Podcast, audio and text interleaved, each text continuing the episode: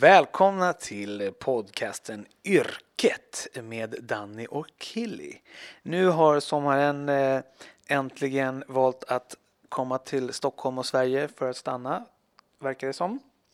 Och vi tänkte sända ett litet eh, säsongsavslutningsprogram här med eh, en individ som är, pluggar till jurist med massa andra spännande saker i bagaget och engagemang på fritiden. Hoppas att ni kommer tycka att den här intervjun med Isabelle Sommerfeld är jättespännande och intressant. Efterföljer eventuellt lite längre eftersnack. Trevlig lyssning! Yes, då kör vi!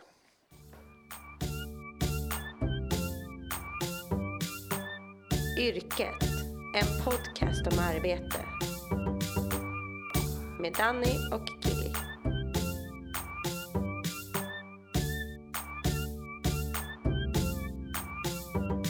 Var är vi någonstans nu?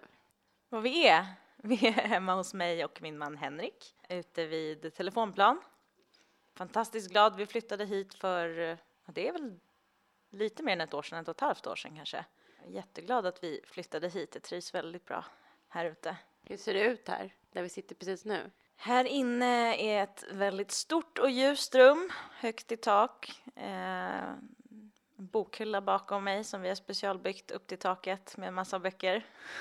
Både kokböcker och juridisk litteratur och eh, romaner. Mm.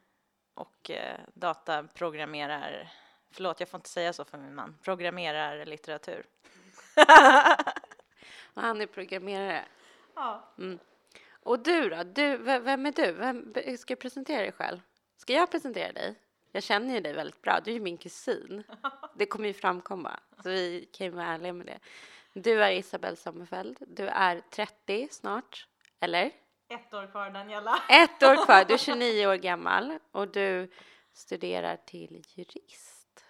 Men du har gjort ganska mycket saker i ditt liv, eller hur? Ja, jo men det vill jag nog påstå. Och rätt tidigt också. Jag har väl alltid varit sån som har haft många järn i eh, elden. Jag har inte klarat av att sitta still och eh, har alltid velat och, eh, och gjort det också, engagerat mig sen jag var väldigt ung, sen tonåren. När började ditt engagemang om man säger? Skulle säga när jag var i 14 och 15 års åldern så började jag, då befann jag mig i en period där jag funderade väldigt mycket över vår bakgrund, vår familj, mina föräldrar eh, som eh, vuxit upp i Eh, då kommunistiska Polen eh, och tvingades lämna sitt eh, hemland i slutet av 60-talet på grund av antisemitism. Och jag har ju alltid hört om den här ja, då diktaturen som de faktiskt växte upp i och förtrycket dels mot judarna men också mot, mot alla i samhället, mot oliktänkande. Och det här gjorde att jag, jag kom väl upp i den åldern när man börjar fundera lite, lite identitet kanske sådär, vad, vem är jag och hur har jag blivit den jag blivit? Och eh, kände att eh, jag ville läsa på mer och få mer kunskap och börja engagera mig för vårt samhälle. När du var då 14-15, då bodde du hemma. Och hur, i vilka, hur tog det sig uttryck, det här? Alltså, var började du? Det började med att jag eh, kollade igenom alla ungdomsförbund, alla politiska ungdomsförbund på nätet då och funderade över ja, om jag skulle gå med i något för att, för att helt enkelt eh, utveckla mitt intresse och kunna engagera mig mera. Eh, och så blev det också. Så att, ehm, jag skulle vilja påstå att eh, många av ungdomsförbunden hade kunnat passa då för att man höll med om mycket. Men jag tror ändå någonstans kände mig mer socialliberal så då blev det Liberala ungdomsförbundet på den tiden eh, som jag gick med i eh, och tillsammans med min vän då Simon som jag drog med i det hela, eller kanske valde själv. Men. Och hur var du när du var 14-15? Eh, Vem var Isabelle då? Jag skulle vilja påstå att jag var rätt ödmjuk och snäll och eh, men hade väldigt starka åsikter. Kanske, kanske lite osäker på den tiden både i mina åsikter och, eh, och som person. Alltså det är något som har vuxit med, med tiden. Det är ju naturligt i den åldern. Liksom. Att man vill, man, men det är en ålder där man försöker hitta sig själv. Jag ville mycket, jag hade starka åsikter, men eh, jag ska nog erkänna att jag var lite osäker på den tiden. Men kommer du från polit ett politiskt hem? Diskuterade ni mycket så här, politik hemma hos dig när du växte upp? Nej, jag tror faktiskt inte det. Alltså jag... Inte, nej, inte så mycket. Det är klart man, man kunde höra föräldrarna både, både svära åt det ena och det andra och, eh, och uttrycka sig ibland om någonting som hade hänt och så. Man, man, vi kollade absolut på nyheterna och så. Eh, det gjorde man ju i vårt hem så att eh, man fick ju följa samhällsutvecklingen lite grann redan tidigt. Så det fick jag väl hemifrån i och för sig, det intresset. Sen, sen var jag nog ganska filosofiskt lagd. Jag minns själv att jag och min pappa hade en del diskussioner där jag frågade om hur saker och ting funkade och, och varför folk agerade som de gjorde i olika situationer. Och, och det var det, någonstans där under den tiden väcktes mitt intresse för framförallt mänskliga rättigheter och det är det som har dragit mig till politiken när jag var ung. Det var inte att jag ville engagera mig i ett parti egentligen, eller i partipolitik överhuvudtaget, utan det var att någonstans få en plattform där jag kunde engagera mig för, ja, för att hjälpa andra i grund och botten. Och den här äh, viljan att vilja hjälpa andra, vad tror du den kommer ifrån då?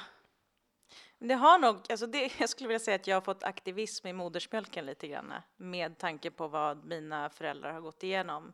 Alltså de tvingades ju fly sitt hemland en gång i tiden och eh, Eh, har gått igenom det här förtrycket som många på sätt och vis gör idag i världen, folk som flyr och så.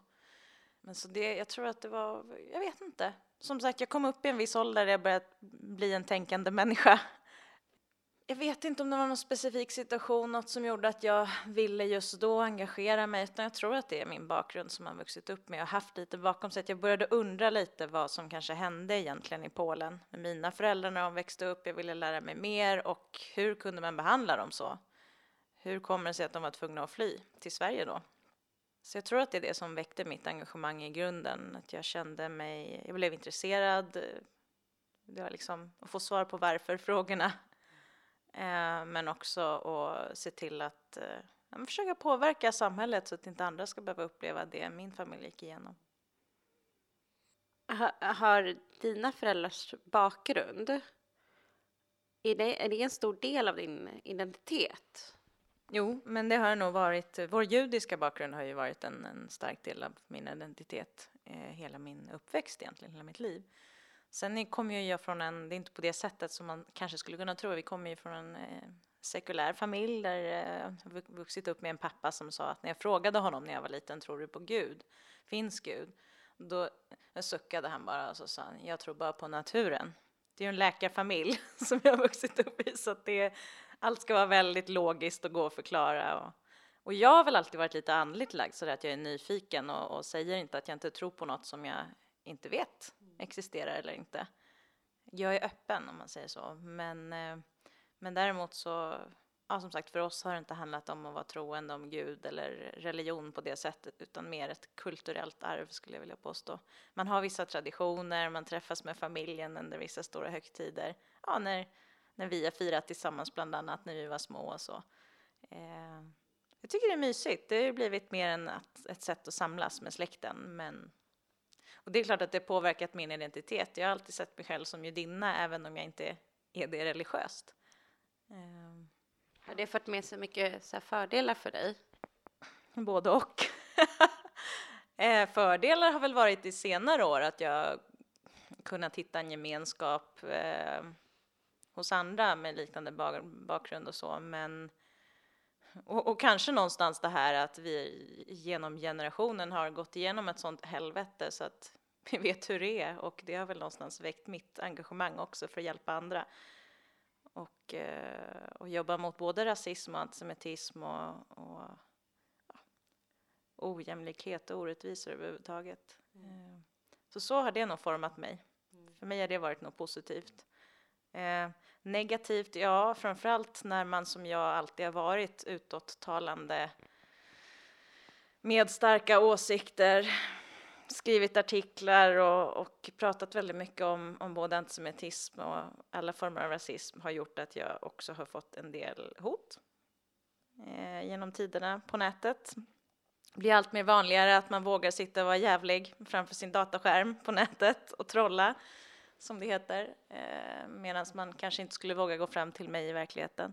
med samma åsikter. Så att, eh, det är klart att det har varit lite jobbigt genom tiden. Framförallt när man var yngre så tog man det där lite hårdare. Eh, med sådana antisemitiska meddelanden som man kunde få via sociala medier. Men eh, jag skulle vilja påstå att jag inte bryr mig längre. Man är så avtrubbad med sånt där.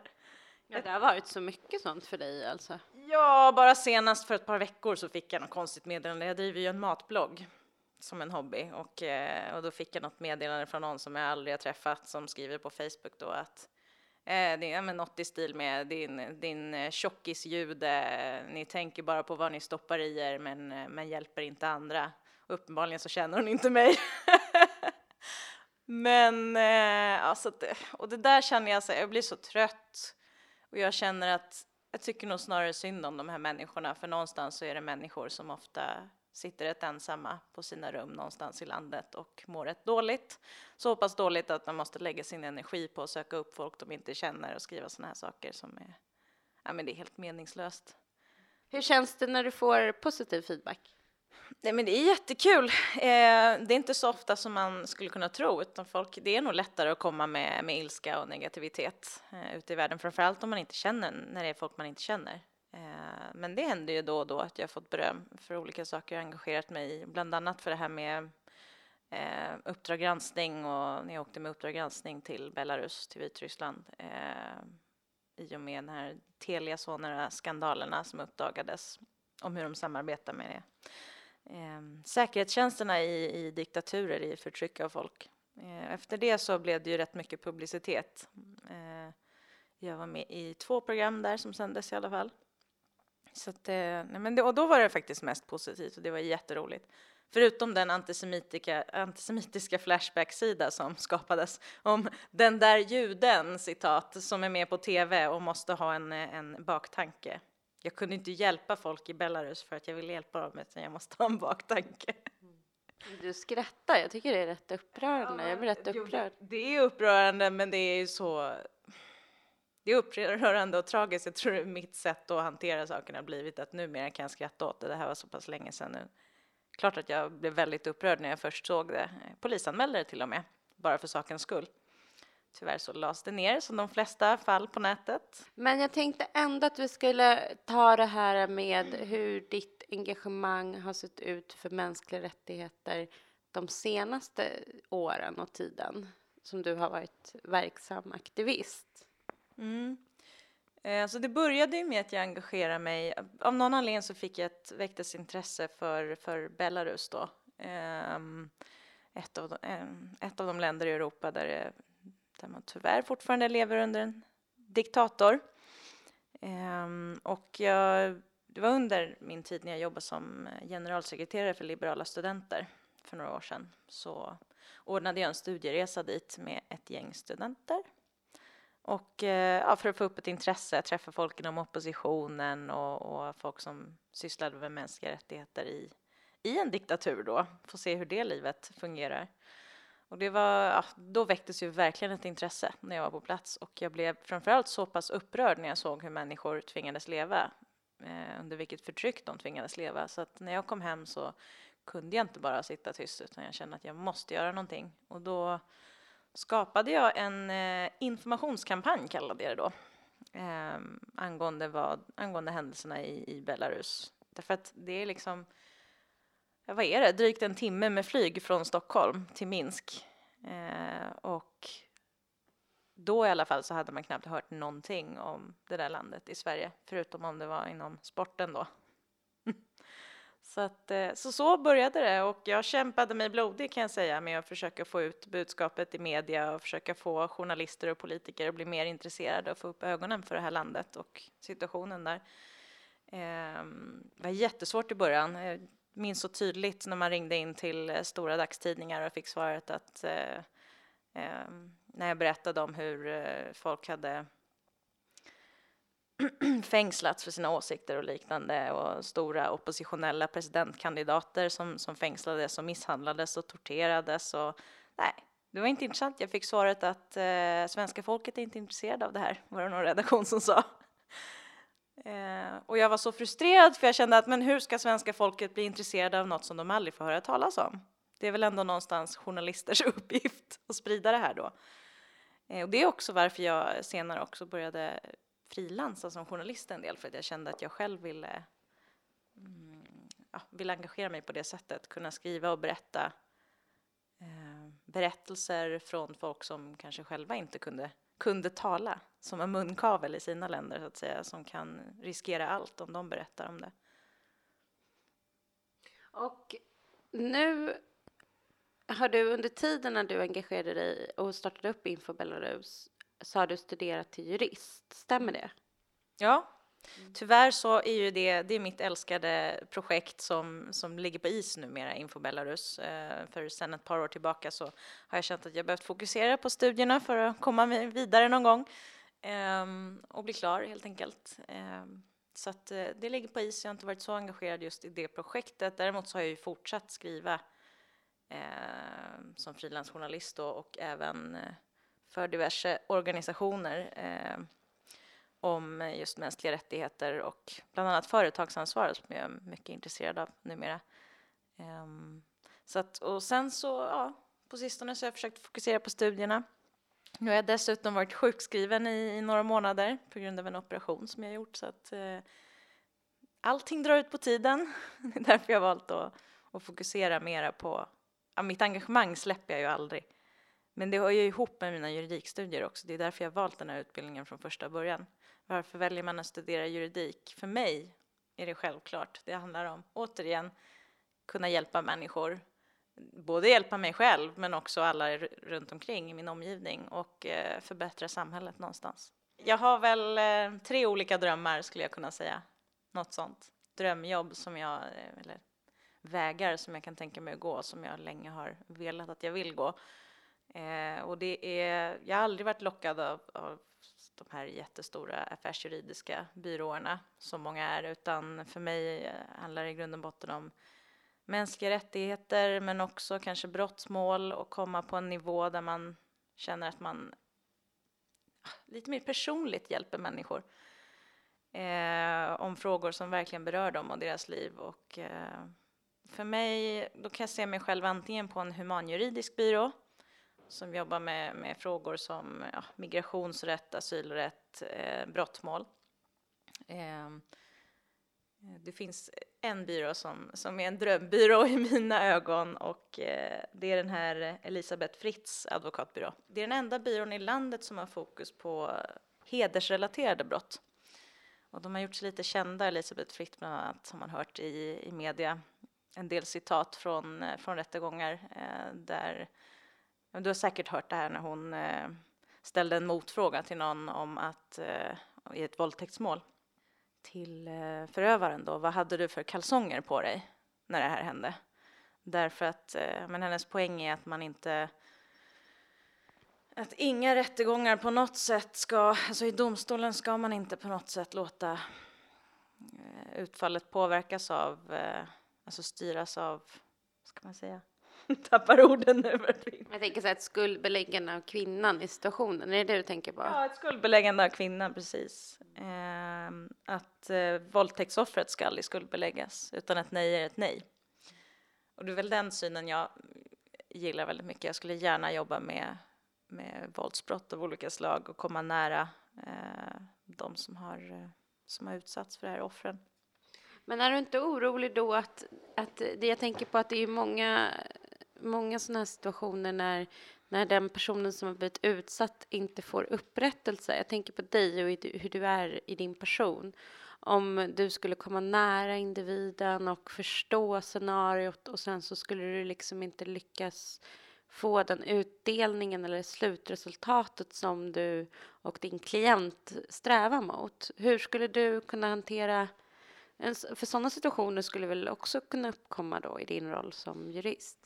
Alltså man kan inte göra mer än försöka det bästa. Så är det ju alltid. Så att jag tror inte man ska döma sig för hårt. Det är klart att man kommer förlora mål någon gång om man nu jobbar i rätten.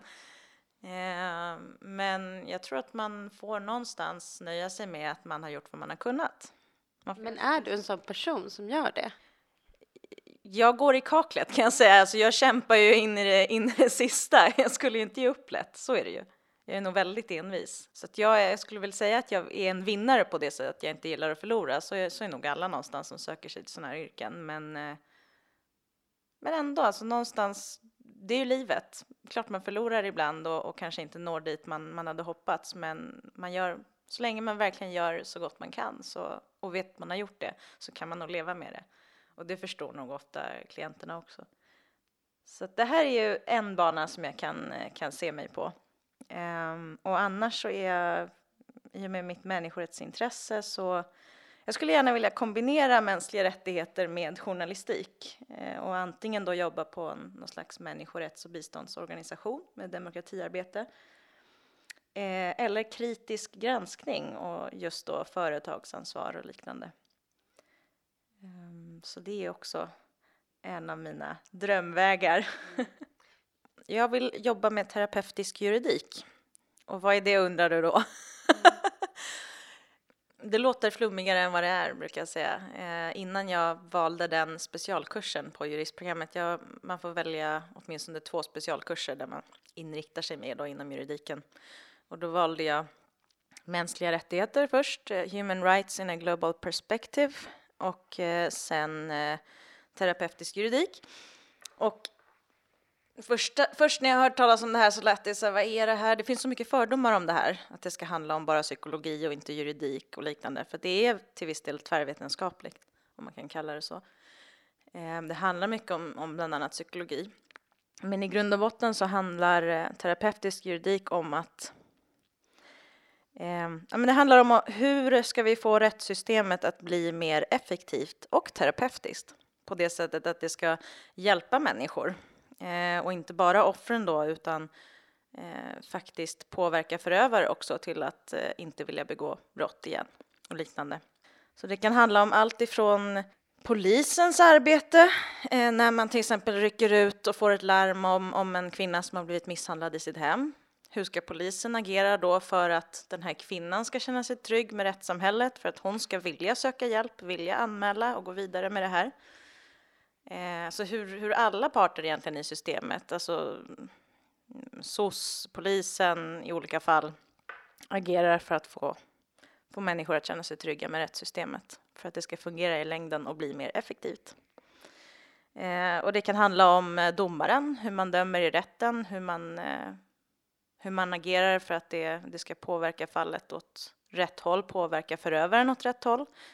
Hur kan liksom själva domstolsprocessen blir terapeutisk.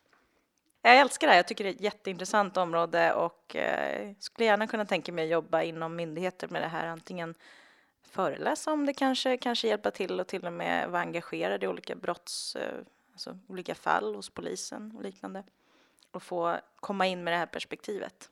Om du vänder dig till unga som funderar på det här yrket, liksom. funderar på den här utbildningen som du kommer vara klar med om ett år. Vad skulle du säga utifrån din erfarenhet av utbildningen att man ska ha för liksom, egenskaper för att kunna jobba sen och kunna klara utbildningen?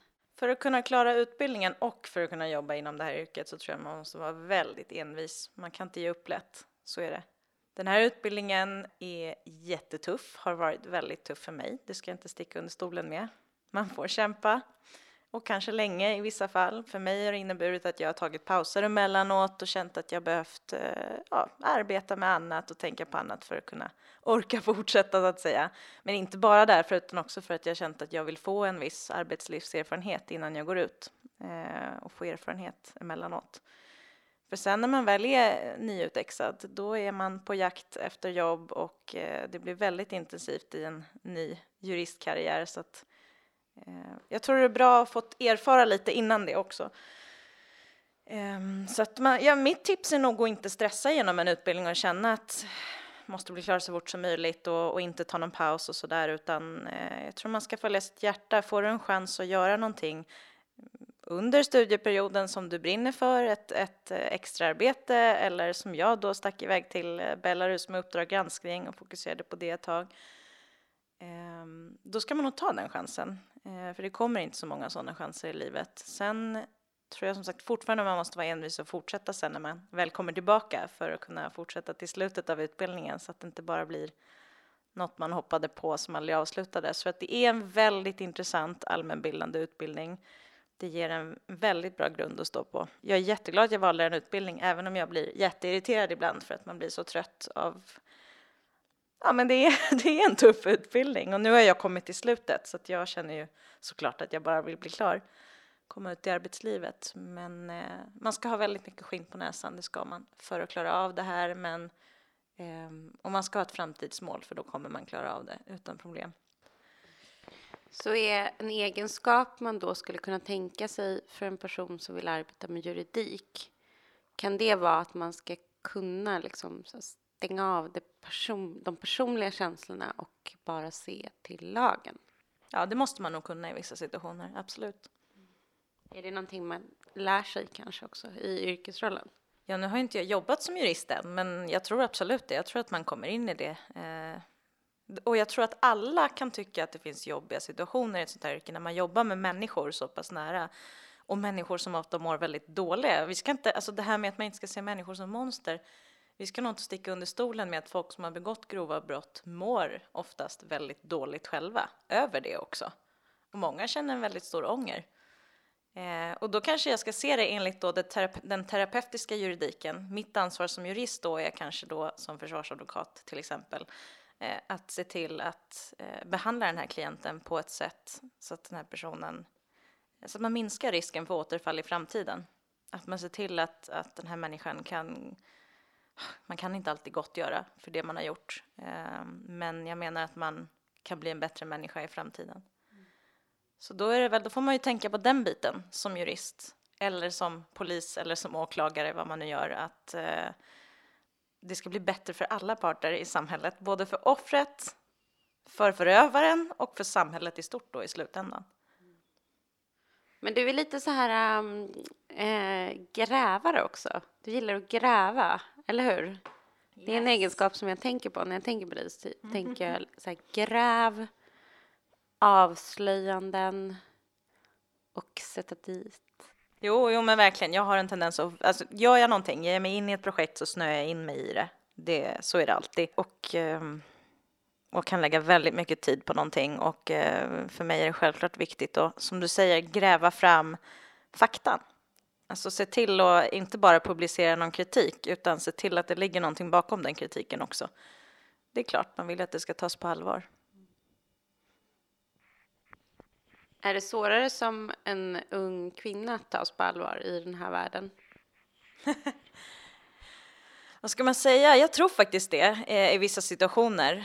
Eh, jag kan säga att ett exempel var när jag, eh, när jag började, här, när jag påbörjade den här kritiken av Telia Sonera för, för några år sedan, 2011 tror jag det var för att vara exakt, eh, så lanserade de sitt nya varumärke. Och eh, när de gjorde det så tryckte de mycket på det här med personlig integritet. Att de som statligt bolag då tar ansvar och liknande. Och och eh, när jag hörde det här så tänkte jag det här är hyckleri, för jag vet hur de eh, arbetar i diktaturstater, bland annat i Belarus då, där de har ett dotterbolag tillsammans med eh, diktator Lukasjenko själv, Life då. Um, och att man arbetar då tillsammans med diktatorn i förtryck av eh, oppositionella människorättsaktivister, jurister, journalister och liknande. Eh, på ett väldigt konkret sätt. Så det jag gjorde var att skriva ett pressmeddelande då för Info Belarus, den här organisationen som jag, eller kampanjen som jag startade. Um, där jag kritiserade Telia Sonera öppet för det här. Jag blev eh, sedan inbjuden till deras huvudkontor i Stockholm. Träffade två personer. Rätt högt uppsatta, jag behöver inte nämna namnen, men det var det var intressant, för jag tror de hade föreställt sig att här kommer en ung och kaxig tjej som kanske inte kan så mycket, men tror sig veta och gärna kritiserar. Eh, därför att jag fick den känslan under de här en eller två timmarna vi satt där, det var ju bara ett försvarstal i princip om att det är så svårt att jobba i de här länderna och liknande. Eh, I slutet av den här av det här mötet så ställer sig en av de personerna eh, något längre än jag tittar ner på mig framför mig så här och säger, jag tror inte han sa lilla gumman, men det var lite den känslan. Eh, där han sa att nu ehm, kan vi väl ta den här diskussionen mellan oss framöver och inte genom media. Jag vet inte om, det, om, om jag ska se det på det sättet, men jag fick lite känslan av att han såg ner på mig för att jag var ung kvinna och kanske inte trodde att jag hade så mycket att komma med. Men det där blev ju en provokation gentemot mig istället för att lugna mig. Så det mm, första jag gjorde när jag gick ut därifrån var att ringa Uppdrag granskning. um, så så blev det. Men om någon säger åt mig att inte ta det genom media, apropå mänskliga rättigheter och yttrande, det, det är klart man gör precis tvärtom då. Det måste komma ut och granskas, det är ju så. Det, och framför allt när det är bolag som ägs av till stor del svenska och finska staten. Um, så att jag eh, träffade sen Uppdrag granskning ett par veckor där, därefter och eh, resten är historia. Det blev ju en av de största skandalerna i modern historia i Sverige, skulle jag vilja påstå. Men var får du ditt mod ifrån? Du är så modig. Jag har två frågor. Hur är du så modig? Vad har fått dig att bli så modig, tror du? Jag vet inte. Jag vet bara att vi kanske bara har ett liv och, eh, och att man måste ta tillvara på det. Och, eh, alltså om man inte vågar satsa och vågar göra saker i livet eh, och vågar kritisera när det har gått fel, då kan man ju inte förändra i slutändan. Alltså någon måste ju ta tag i det. Vi är ju, alltså jag, och jag hade önskat att alla gjorde det, att alla hade den instinkten bland oss människor, att man gemensamt jobbade för att förändra samhället och världen och Sverige. Men eh, jag har full förståelse att man inte orkar, att alla inte orkar engagera sig för att det är för jobbigt, det, det är för tungt, man, orkar, man mår dåligt av det helt enkelt i många sammanhang. Eh, men eh, vill man att världen ska förändras så måste man jobba för det också. Och man måste våga, annars så, så kommer aldrig hända något i slutändan. Man måste våga satsa. Har du fått det här drivet hemifrån tror du? Att våga tro också på dig själv? För, för det är inte vem som helst som går ut och, och gör de här sakerna. Jag undrar om du liksom har fått en bra så här, grund? Alltså jag har ju väldigt starka föräldrar på många sätt som har eh, alltså flytt, eh, tvingats lämna allt de har haft bakom sig hela sina liv sin utbildning, sina vänner och allt eh, och sedan börja om på nytt i ett helt främmande land där de inte kunde språket och inte kände någon egentligen sen tidigare. Um, och det är klart att de har ett otroligt driv som har lyckats. De har lyckats jättebra med sina liv. Jag är väldigt stolt över båda mina föräldrar eh, som lyckades bli framstående läkare här i Sverige och eh, ja, verkligen lyckats nå sina mål i livet. Och det är klart att jag har säkert fått en del av mitt driv från dem, det är inget snack om saken. Jag funderade lite på om det här är en, en sak som jag diskuterade i en annan intervju eh, med en, en tjej som kommer komma innan den här. Jag kommer klippa det här lite. Men jag intervjuade en tjej som, som är konstnär. Och hon sa till mig att hon är uppvuxen i ett så här arbetarklasshem. Och så sa hon så här, i arbetarklasstraditionen och jantelagen, då fostrar man barnen till att inte sticka ut. Man ska inte ha en fånig hatt på sig för då ser övermannen det och då blir man utpekad och då, och då liksom eh, syns man och då ställer man till besvär. Ungefär i de orden sa hon. Men i, i liksom övre medelklassen och överklassen, där ska barnen ha en speciell talang. Alltså det kan handla om så här, har vi pianofingrar här? Är det, ser vi att vårt barn är väldigt eh, duktig på att sjunga eller ser vi att vårt barn är ett snille på matte? Förstår du? Att, man, att, att, det, att det är så skillnad liksom i de här olika klasserna. Har du så här, tänkt på det någon gång? Alltså jag vet att jag är väldigt lyckligt lottad och har vuxit upp och haft ett bra liv i Sverige, i medelklassen så att säga, och eh, fått mycket hemifrån som många andra inte får. Men i grund och botten så tror jag att det, i min familj i alla fall, så handlar det inte om om man är överklass eller medelklass eller, eller klassfråga överhuvudtaget. Jag kan säga att båda mina föräldrar, eller min släkt, långt bak i tiden kommer från, från arbetarfamiljer liksom. Eh, och, och har vuxit upp väldigt enkelt. Vår mamma, min mamma till exempel som eh, ja, vuxit upp väldigt enkelt i en, en arbetarfamilj med pappa som skomakare. eh, och mamma som hjälpte till i skomakarbutiken. Eh, och, och sen ändå bestämde sig för att bli högutbildad själv. Och jag skulle inte säga att hon fick det hemifrån, utan hon, hon hade väl det glödet i sig på nå, någonstans, men eh, och lyckats den vägen. Men eh, för oss har det nog snarare en klass och, och det stöd man får hemifrån etc. handlat om eh, jag skulle vilja trycka på det här med förföljelse återigen och förtryck.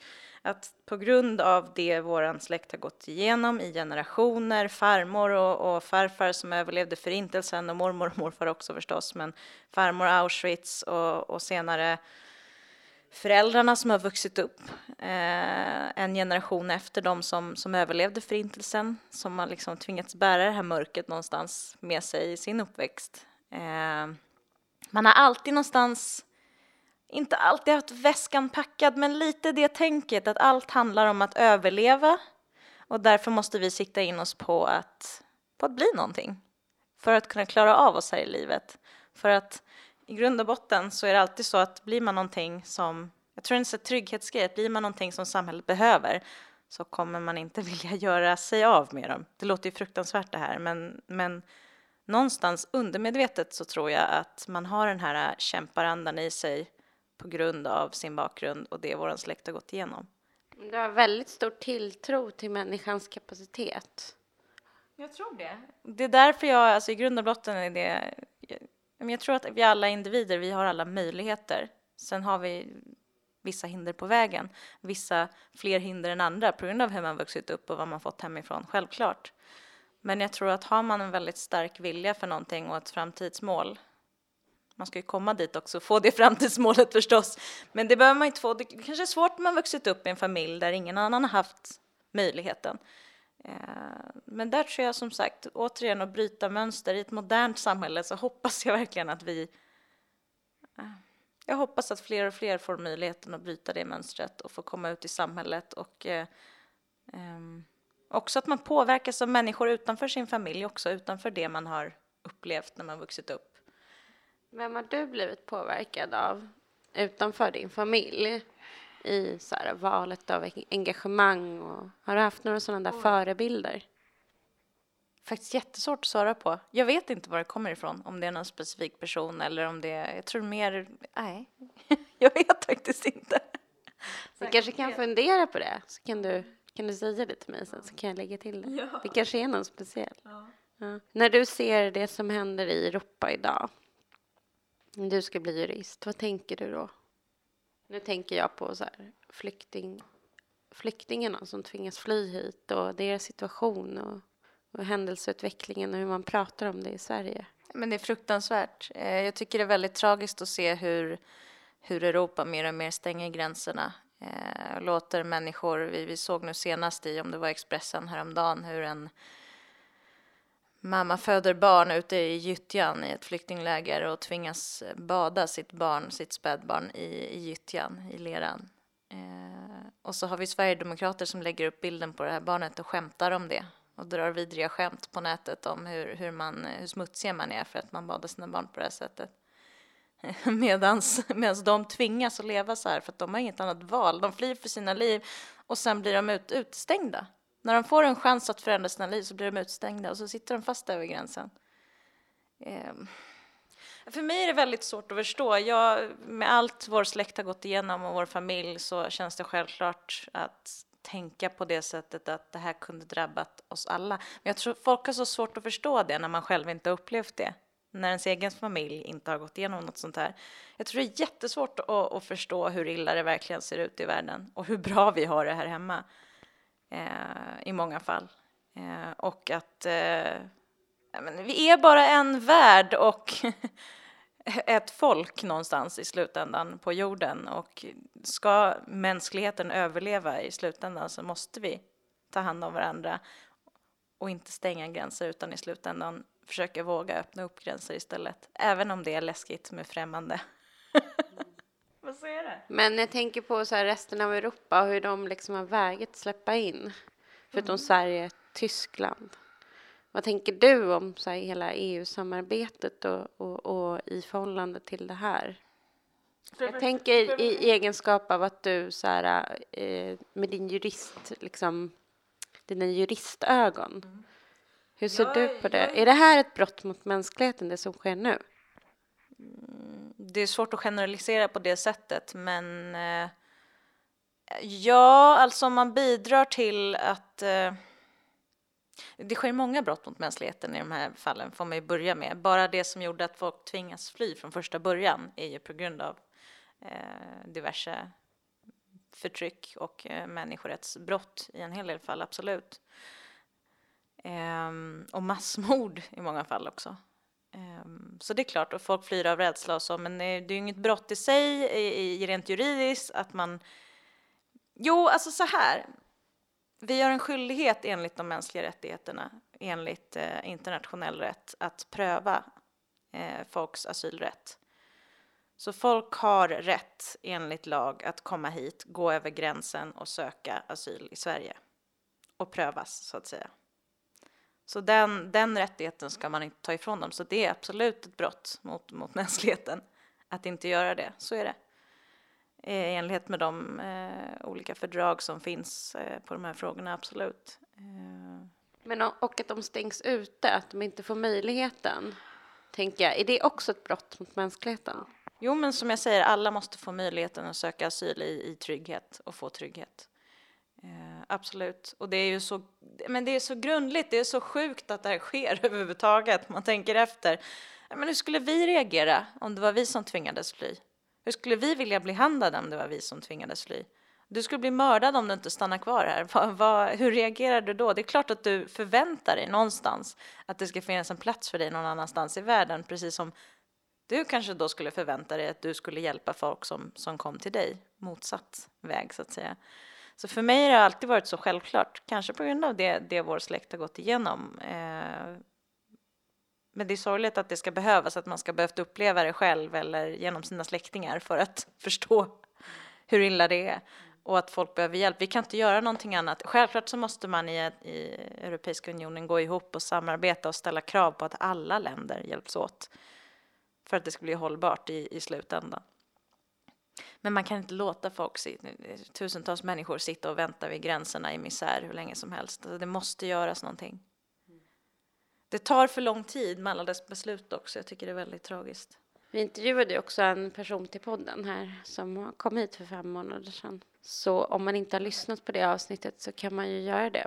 Hur har det känts att vara med i podden? Det som är kul är att jag, jag, är alltid jag har varit en sån person länge, ända sedan jag började plugga juridik skulle jag vilja säga, så har jag vetat vad jag vill med mitt liv. Till stor del. Och varför jag pluggar juridik och så, och vad jag, vad jag ville, på ett ungefär, vad jag ville jobba med i framtiden. Men nu när du har, eh, när vi bokade in den här intervjun så tvingades jag verkligen konkret liksom sätta ord på vad jag vill med framtiden och det har varit väldigt nyttigt. Alltså att jag, jag, jag kom på det här igår bara, att jag alltid varit så självsäker på när folk frågar vad vill jag bli när jag blir- äldre och, och, och så, vad vill jag med mitt liv? Men så igår så kände jag så här, men gud, vad ska jag svara om man frågar vad liksom, vet jag exakt vad jag vill? Och då när jag konkret började formulera de här, då kom de här målen fram, de här tre målen som vi pratat om. Och det är väl någonstans eh, några mål som har utvecklats under tiden under min juristutbildning eh, som jag blivit mer och mer säker på. Och, eh, ja, jag tror att det finns många arbetsplatser där jag skulle passa in med det här tänket, eh, hoppas jag. Eh, men jag vet ju inte var jag hamnar till slut. Det får vi se, framtiden är osäker fortfarande. Men jag kommer på den viktigaste frågan nu. Egentligen varför jag gör hela den här podden, den kommer jag på nu. Jag undrar också kring identitet och arbete. Eh, och eh, hur stor del av din identitet är att du, att du har valt att jobba med de här människorättsfrågorna, att du nu snart är klar jurist och kommer kunna jobba med såna här frågor i framtiden? uppenbart 100% min identitet. Alltså att det hör ihop med det. Eh, mitt val av utbildning och eh, val av yrke. Eh, I mitt fall är det verkligen så. Jag tror, att, jag tror nog att många, om man nu som vi pratat om vågar, ta risken att satsa på någonting som man drömmer om att göra istället för att göra någonting för att det är praktiskt. Eller för att man tjänar pengar till exempel. Ehm, jag tror att många kan känna så att, att det är, man borde nog följa sin identitet här. Vad är det som påverkar dig mest? Vad är det som får dig att verkligen brinna för någonting? Eh, därför att någonstans ska man själv vara lycklig i livet så måste man jobba med, med det man själv tycker ger en någonting. Och för mig är det att jobba med någonting som påverkar samhället och min omgivning. Så att det är absolut 100 procent eh, hör det ihop med min identitet. Men jag funderar på när du säger så här, eh, um, för dig är det så att om du, du ska må bra så är det viktiga, viktiga mm. saker. Men jag tänker så här, fundera på, måste det vara så för alla liksom att, att arbetet måste utgöra en stor, så stor del av vem man är? Absolut inte. Vi är jätteolika, alla individer, så är det ju. Eh, och jag känner många som har valt att eh, redan från början sagt att jag, jag kommer jobba med affärsjuridik och, och, och, göra det här och det här för att det är bra pengar och det är ett stabilt yrke. Eller jättemånga som väljer att plugga juridik bara för att man vet att det är en allmänbildande utbildning men ja, kanske inte har så mycket att göra med sin identitet egentligen utan att det verkar vara ett bra yrke. Um, så att det här är ju väldigt, det är klart att det är väldigt personligt. För mig är det så att, att jag måste välja ett yrke och har valt ett yrke och en utbildning som, som ger någonting för mig. Eh, som är starkt kopplad till min identitet. Så är det. Vad säger folk som du inte känner när du säger att du ska bli jurist? Om du träffar nya bekantar. Vad, vad tror du att de får för intryck av dig? Jag brukar ofta få så här Facebook-mail när man är någon ny kontakt och sådär som man, som man inte känt så länge. Um, du, jag har det här problemet, skulle du kunna hjälpa mig att lösa det här?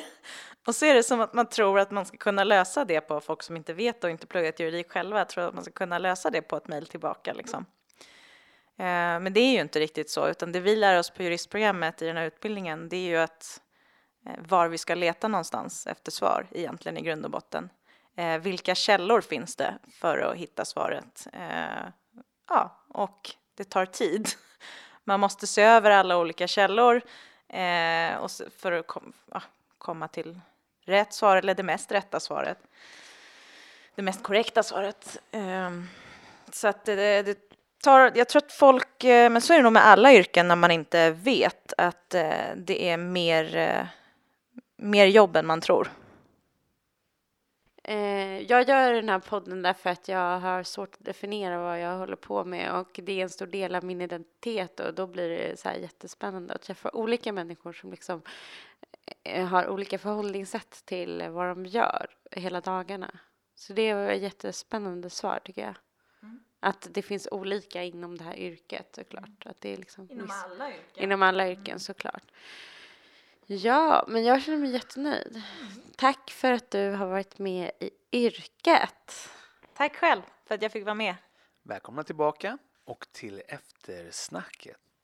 Ja, Kilian. Känner du sugen på att bli jurist? Det tycker jag verkar vara ett spännande yrke.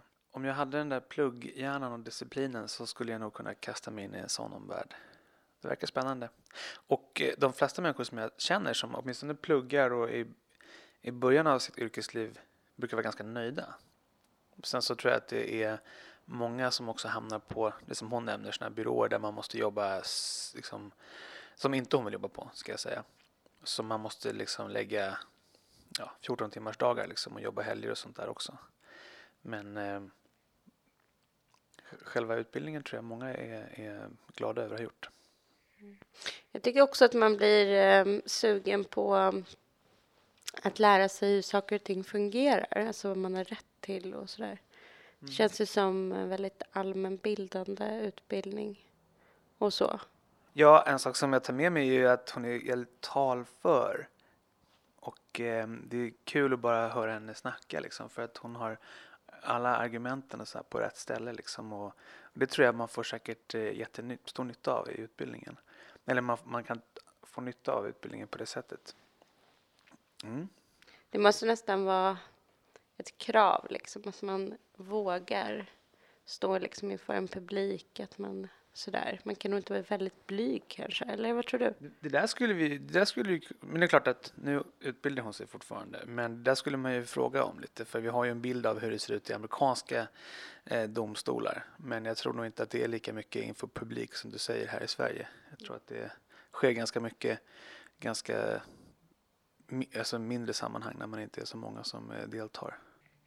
Vad tänker du om hennes eh, människorättsintresse och hela den biten? Ja, men det fanns ju, det kändes som det var en röd tråd där genom hela livet och, och, och eh, som det berördes eh, historien liksom eh, med, eh, nu är ni släkt, det vet jag, men med familjen liksom, bakgrunden och så att man kanske tar avstamp där lite och sen så känner man att det är någonting man vill engagera sig i, eller hon har känt det i alla fall. Det, det var ju beundransvärt, skulle jag säga. Jag funderar lite på förutsättningarna att kunna arbeta som det här. Det måste ju ändå vara rätt många som vill komma in på den här utbildningen. Det måste ju vara en svår utbildning att komma in på och sådär. Man måste nog ha verkligen vara ganska bra på att studera för att kunna bli jurist. Ja, ja. absolut. Jag, tänker, jag, bör, jag börjar tänka på den här tv-programmet som gick några veckor, några veckor sedan. Jag såg det, Dold, det är något sånt där SVT Play-program där de beskrev hur människor köpte, eh, betalade stora summor för att kunna lyckas med högskoleprovet. Och absolut ingen liksom, eh, det är inget sam samband här, men jag bara tänkte på det när du sa att det, man måste ha höga betyg och så vidare. Det var bara en lustig liten parallell. Men eh, självklart, det där är väl en av de här utbildningarna som faktiskt kan ge ett väldigt bra jobb. Men jag tror att precis som de flesta andra utbildningar, det ligger mycket slit eh, framför dig om du ska liksom eh, lyckas landa den här eh, livsstilen som det kanske lite många är ute efter. Jag, jag, jag, men, men det om man ser det utifrån det här perspektivet så är det ju ett jobb som är viktigt i samhället. Som, eh, och det tror jag kanske inte riktigt man alla har eh, den inställningen när de startar utbildningen. Det kan jag nog tänka mig. Men jag tror att man rätt snabbt förhoppningsvis förstår att man fyller ju en så klar funktion i samhället. Liksom. Eh, och det, det är ganska intressant till skillnad på en del andra yrken där det liksom är Visst, det kan vara en praktisk, praktisk funktion, en, en liten pusselbit i det här stora samhället. Kanske en, bara en, en liten eh, hörna. Om, säg att man, om, om, det kan ju finnas konstnärer som vi har intervjuat många av som anser att det de gör berikar samhället och, och att kulturen är väldigt viktig. Eh, det skulle vara en intressant eh, diskussion att gå in i. Eh, vilket av de här yrkesvalen som är viktigt för samhället eller viktigare eller viktigast till och med.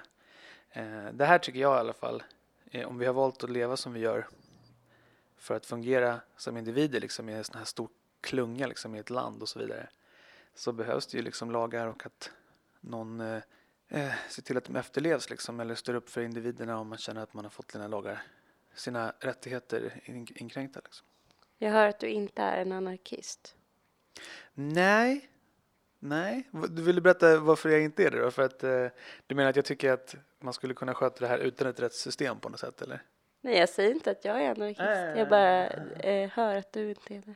Det här samhället som vi lever i, det är ju ofta så att folk har åsikter om huruvida det, liksom det är rätt, på väg i rätt riktning eller liksom håller på att fallera. Och nu har vi ju stora, eh, kanske förändringar som kommer att ske i USA om den här Trump blir president. Alltså det är verkligen så att det blir mycket polarisering liksom. Vad man tycker att samhället ska sträva efter. Men jag tror ändå att det är liksom min inställning är att speciellt om man bor i en storstad. Att här i storstäderna så har vi en möjlighet att utvecklas och att förverkliga så många lustiga olika drömmar som man inte kanske kan i mindre städer där det inte finns plats för alla de här olika väldigt, väldigt nischade liksom livsstilarna och yrkesvalen. Medan i en storstad så, så öppnas det upp massa nya spännande möjligheter liksom i, att, i yrkeskategorier som inte behövs liksom, på andra, andra ställen. Och då är inte Stockholm en riktigt, riktigt storstad ändå. Ibland lockas jag av tanken att så här, vara en eremit ute i en liten stuga mitt ute på fjället. Men jag tycker också om den här äh, gemenskapen i, ett, i ett samhälle. Liksom där man faktiskt tillsammans strävar efter att leva eh, solidariskt och att man liksom hjälper varandra eh, så att man kan specialisera sig istället för att alla ska kunna exakt allting. Jag tror att samhället eh, ger ganska mycket saker för möjligheten att eh, förverkliga sina drömmar för individen. Och då så måste sådana här funktioner vara tillgängliga. Liksom. Nu pågår den här SAS-strejken och jag lyssnade på Ring P1 i, igår eller i förrgår. Och då talade de om, eh, eller då var det många som ringde in och ville eh, snacka om att de tyckte att eh, de här piloterna var, var typ bortskämda och krävde mer och så vidare. Men så var det en som höll på att utbilda sig till pilot som ringde in och, och berättade att eh, det man inte tar in i, i beräkningen här är att, att vi har faktiskt betalat för en utbildning och de flesta lägger över 500 000, kanske upp mot en miljon för sin utbildning. Det känner inte jag någon som har gjort i någon annan utbildning, alltså betalat så mycket pengar och skuldsatt sig förmodligen. Och då är det väl kanske rimligt att man har möjlighet att betala tillbaka den. Men jag tänker så här, om, alla skulle, om man skulle ta allas löner och lägga dem i en stor säck, allas löner, okej, okay, sen skulle du disponera ut lika mycket på alla, då skulle alla få mycket mer. För de som tjänar så där sjukt mycket, de tjänar så sjukt mycket mer än alla andra.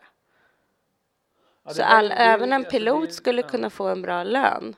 Men det finns väl, det finns ju um, ehm, sådana här tankar om medborgarlön som skulle kunna kompensera ut lite skillnader. men då, då, skulle man ändå tror jag kunna få en eh, någon slags, om vi säger, säger inom citationstecken, bonus för att man jobbar liksom mer än vad den här medborgarlönen betingar. Liksom. Men jag, jag, jag tror nog... Eh... Vänta, förlåt. Om man får medborgarlön, då får ju alla typ så 10 000 kronor. Ja, precis, men, men sen så får man ju jobba, jobba också. Jag tycker ja. det är ett ganska bra förslag. Om alla får en liten grundbult så kan man själv sen känna så här, hur mycket vill jag jobba utöver det här? Hur mycket delar av mitt liv vill jag lägga på att jobba? Och beroende på liksom vad man gör så då skulle ändå de som har hög inkomst tjäna mer pengar. Men de som har kanske en annan livsstil eller vision skulle jobba mindre, ändå leva ett eh, bra liv. Jag tror att det finns olika typer av medborgarlön.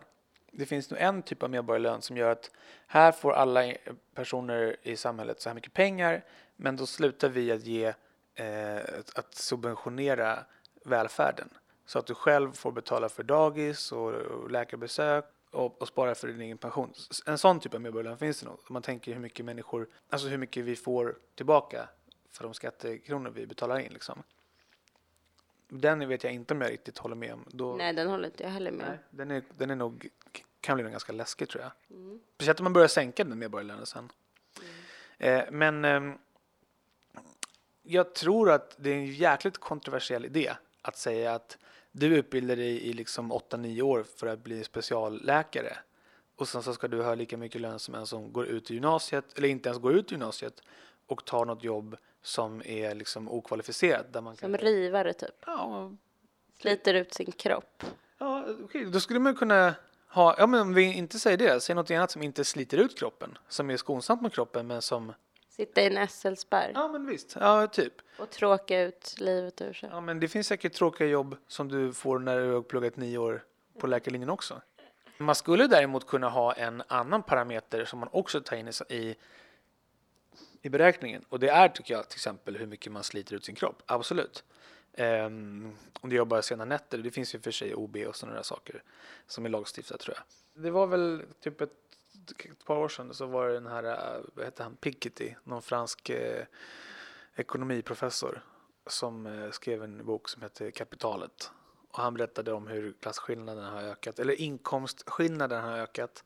Och att framförallt så har skillnaderna mellan eh, en arbetare och en ägare av en, eh, nu säger jag fabrik liksom, eh, växt extremt mycket de sista hundra åren tror jag. Och att det är farligt det, det, är en farlig utveckling för samhället. Det är farligt när det är så att eh, pengar som bara travas på hög, alltså investeras eh, i aktier eller liknande, att de kan generera mer, mer pengar än om du omsätter dem i eh, att starta nya firmor och nya affärsidéer. Om pengar i, i sig som inte faktiskt liksom eh, investeras till nya arbetstillfällen ger mer pengar i slutändan. Om de ger mer pengar för att de ligger och förvaltas det, då är det en väldigt dålig utveckling för samhället såklart. Mm. För då behöver man inte, då behöver man inte något incitament, liksom, eh, incitamentet att investera dem i nya, kanske jobbgenererande företag eh, om, den, om den inte finns så, så, blir, så blir det ju liksom stagnerat. Liksom. Och de som är rika bara kommer bli rikare automatiskt. Inte, inte för att de faktiskt använder pengarna till något gott. Det är en jävligt konstig utveckling. Mm. Men eh, ska vi tala lite mer om det här med att arbeta som jurist? Om vi försöker komma tillbaka till det. Hon är ju en jättedriven och spännande person som gör jättemycket bra grejer och nu ska hon bli jurist och jag tror att det kommer bli grymt. Och eh, jag tror att det är en svår och spännande utbildning. Svår men spännande utbildning. Jag, eh, ja i mitt nästa liv, då kanske juridiken. Skulle, skulle du vilja bli jurist? Jag, vet vad jag, jag tänker på när du sitter och berättar det här och jag känner ju dig. Jag hade ju en annan eh, flickvän en gång i tiden som efter att hon har fött sitt barn ensamstående pluggade upp alla sina betyg på komvux och eh, sen så utbildade sig till jurist. Och hon, eh, hon jobbar här två kvarter härifrån. Ehm, hon, hon berättade att hon hade fått en så här eh, väldigt stark känsla när hon träffade en kvinna på sitt dagis, en mamma, som såg så glad ut och berättade så, liksom, så, så glatt om sitt yrke. Att det var som en så här, eh, ett tecken. Nej, men det, här, det är det jag har gått och väntat på. Det är det här jag vill bli. Och så bara satsade hon allt på det. Så att Daniela, du har möjligheten tror jag fortfarande att, att ändra drastiskt på din liv. Men du berättade idag faktiskt, och innan det här samtalet som vi har nu, så berättade du att du vill bli samtalsterapeut. Eller? Precis, det är det jag ska bli. Och du hade lite terapisession här med eh, min sambo och jag, eller hur? Alltså jag tror aldrig att det är för sent att omskola sig. Alltså det är ju ett fantastiskt grej i vårt land att vi kan göra det. I, i viss mån, beroende på vad vi har gjort innan med våra CSN-pengar och sådär. Vad känner du med eh, om det här samtalsterapeutyrket då, som lockar dig? Mm, jag tycker att det är roligt att hjälpa människor och sen så tycker jag att det är roligt att lyssna. Och sen så tänker jag att det är roligt att få en inblick, eller roligt, det är spännande att eh, liksom höra om hur andra har det. Och sen så, alltså jag jobbar ju med att hjälpa en person nu, fysiskt, alltså i mitt jobb som assistent. Men jag känner att jag skulle vilja hjälpa på en annan nivå. Alltså det låter ju egentligen inte så olikt tror jag, juristyrket. Om du blir liksom advokat. Tror du inte? Nej, jag tror Fast där kanske man inte hjälper personers inre utan kanske det de utsätts för av yttre omständigheter. Mm. Men det låter ju, eh, jag tror att eh, Isabella skulle kunna säga samma sak. Mm. Att jag vill hjälpa andra människor och jag vill lyssna på andra människor och deras problem. Mm. Det låter ju typ exakt som det du sa. Mm. Det här jobbet som hon kommer få, det kommer passa henne så sjukt bra. Hon är verkligen, det är som, eftersom jag känner henne väldigt bra och eh, vet hur hon är. Jag tror det kommer bli suveränt. Jag liksom skulle vilja ha henne på min sida om någonting hände. Det skulle ju vara intressant också att höra hur eh, göra ett, liksom ett eh, återbesök om några år. Om vi lever, om podden lever. Mm. Och kolla hur den här eh, yrkesrollen har påverkat eh, Isabells identitet. För att eh, det är sånt vi har spekulerat kring lite här. Mm. Alltså huruvida det tar eh, det, det införlivas liksom i ens, i ens personlighet och hur man ser på saker och ting. Det skulle vara kul. Det ska vi göra. Men du Kilian, det här är faktiskt eh, terminsavslutningen och nu kommer vi komma tillbaka efter sommaren, alltså det vill säga typ slutet på augusti med nästa avsnitt. Eh, jag ska faktiskt podda i sommar också mm. för att jag ska eh, samla på mig intervjuer så att vi har lite backup till nästa termin för att eh, vi har varit lite dåliga på att sända i tid. Vi ska ju sända två avsnitt i månaden. Det har vi verkligen inte gjort. Jag tror vi har sänt sju på typ ett halvår. Det blir ju inte två i månaden. Nej. Men vi har fått ganska bra lyssnarskara här nu. Okej, okay. kul. Kul, ja. höra, kul höra. Vilka yrken är du sugna på till nästa? Ja, jag har två, eh, vad heter det, yrkes, eh, två intervjuer inbokade. En är med en svetsare som jobbar i Norge, som pendlar. Och en är med ett geni. Du blir det sugna på att höra vem det här geniet är. Nej men eh, skämt åsido. Vad fan är han? Jag ska googla honom. Nej men jag tycker vi eh, tackar för oss den här gången så får du googla i fred. Tack så mycket för den här terminen. Mm. Hej då. Ha en underbar sommar. Hej då. Hej då.